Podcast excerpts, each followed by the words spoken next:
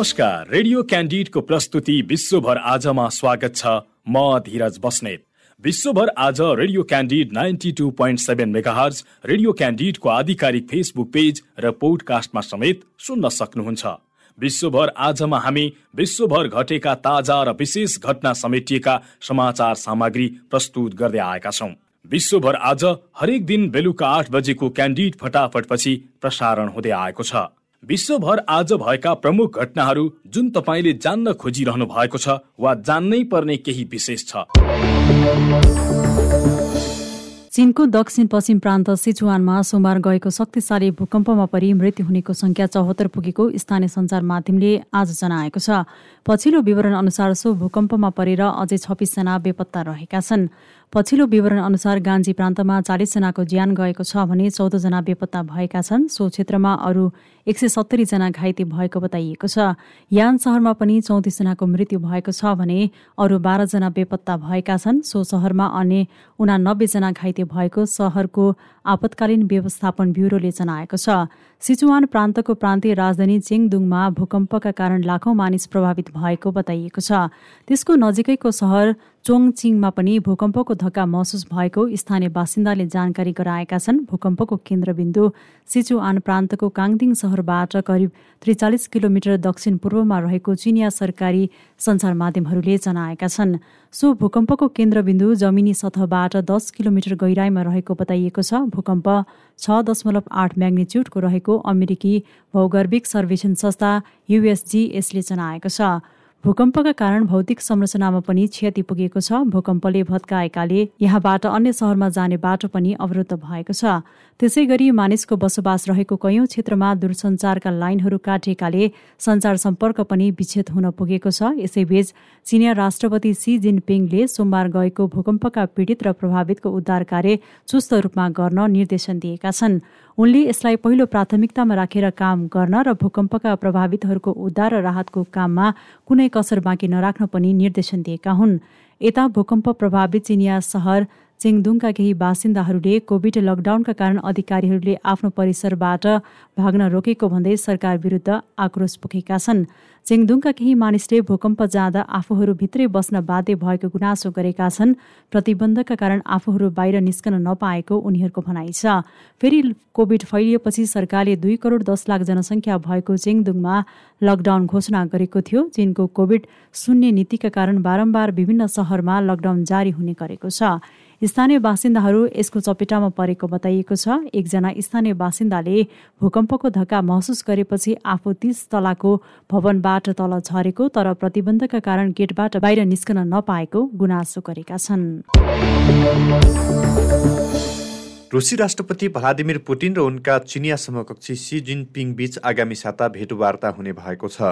दुई मुलुकका राष्ट्रपति बीच आगामी साता मध्य एसियाली मुलुक उज्बेकिस्तानमा भेट हुने भएको हो। उज्बेकिस्तानको समरकन्दमा यही भदौ तिस र एकतिस गते आयोजना हुने साङ्घाई सहयोग संगठन एसियो शिखर सम्मेलनमा सहभागी हुने सिलसिलामा दुवै नेताबीच भेटवार्ता हुन लागेको हो।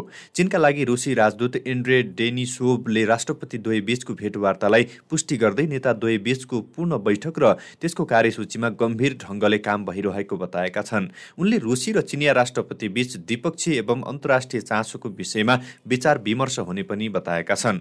कोभिड नाइन्टिनको महामारीपछि चिनिया राष्ट्रपति सीको यो पहिलो विदेश भ्रमण हुनेछ।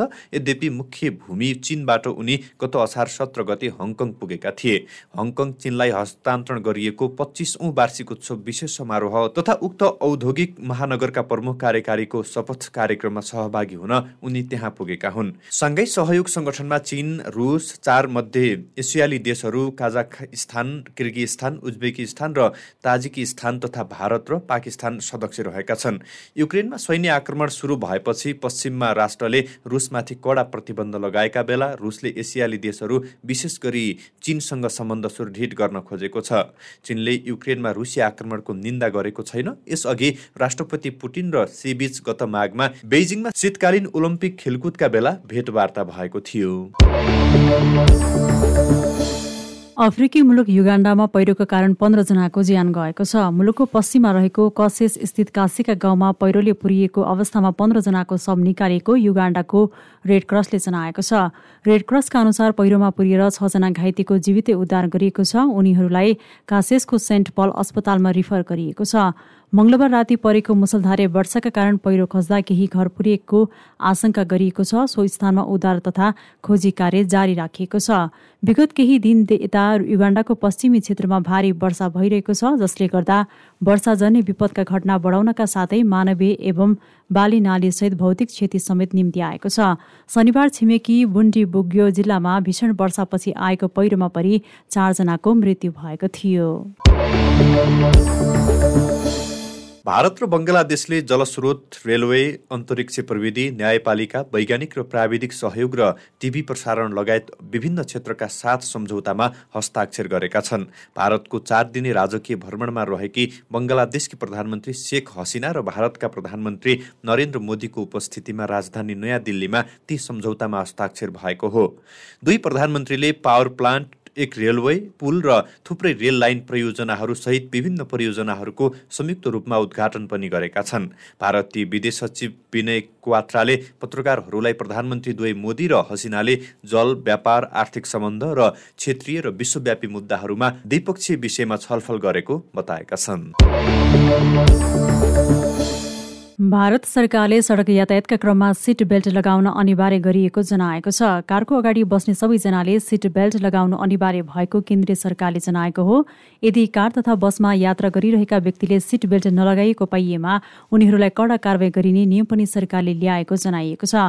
भारतीय केन्द्रीय सडक यातायात तथा राजमार्ग मन्त्री नितिन गडकरीले सो नियम कडा रूपमा लागू गरिने बताएका हुन्। उनले भनेका छन् यस सम्बन्धी विस्तृत सूचना चाँडै नै प्रकाशन हुनेछ। यो नियम भारतभरका लागि लागू हुनेछ। भारतका प्रसिद्ध उद्योगी व्यवसायी साइरज मिस्त्रीको कार दुर्घटनामा परेर निधन भएपछि सरकारले यस्तो नियम ल्याएको हो। मुम्बईमा सडक दुर्घटनाका क्रममा उनले सिट बेल्ट नलगाइएको पाइएको थियो।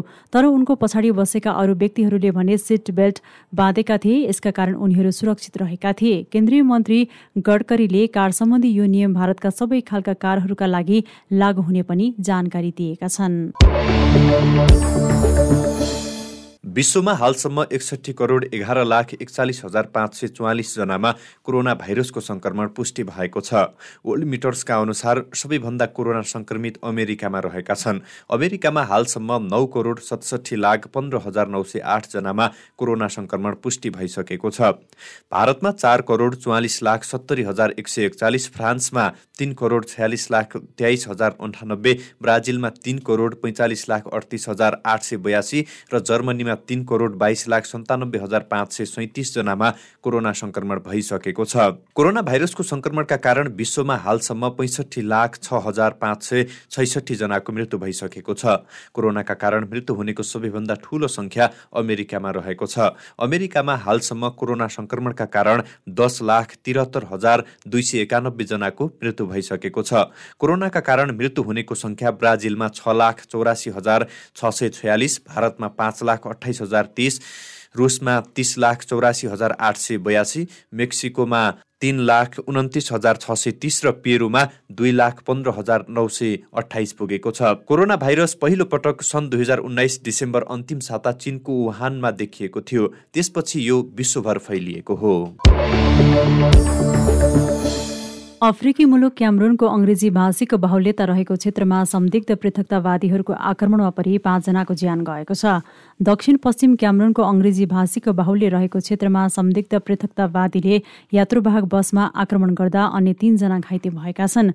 कुम्बा क्षेत्रबाट बुबातर्फ गइरहेको बसमाथि एकुन इलाकाको राजमार्गमा आक्रमण भएको बताउँदै स्थानीय अधिकारीहरूले चारजना यात्री र बसका चालक मारिएका जनाएका छन्।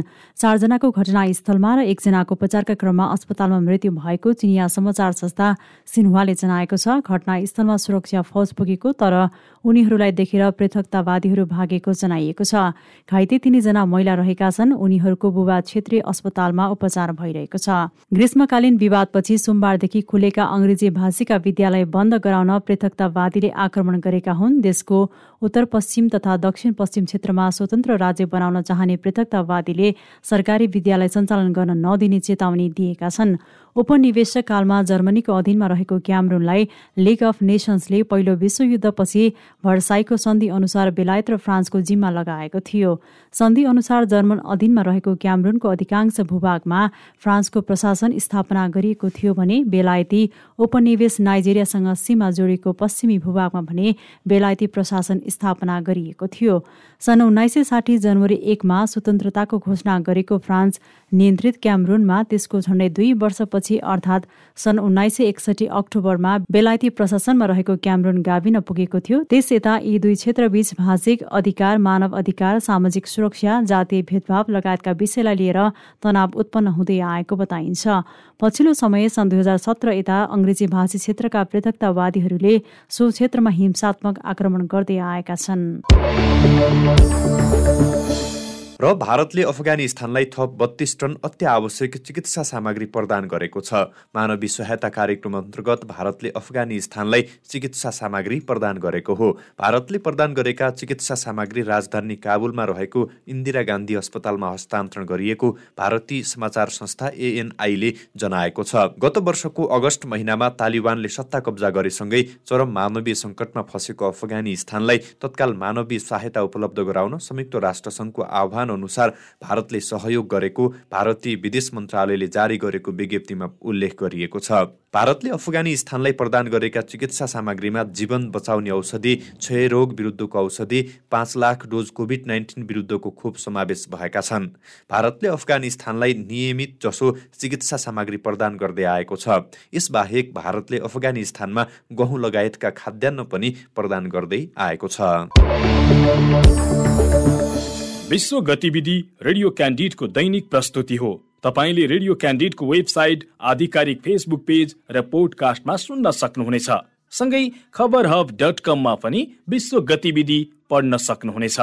भोलि फेरि यसै समयमा विश्व गतिविधि बुलेटिन लिएर उपस्थित हुनेछौँ। आजलाई भने बिदा दिनुहोस्। नमस्कार।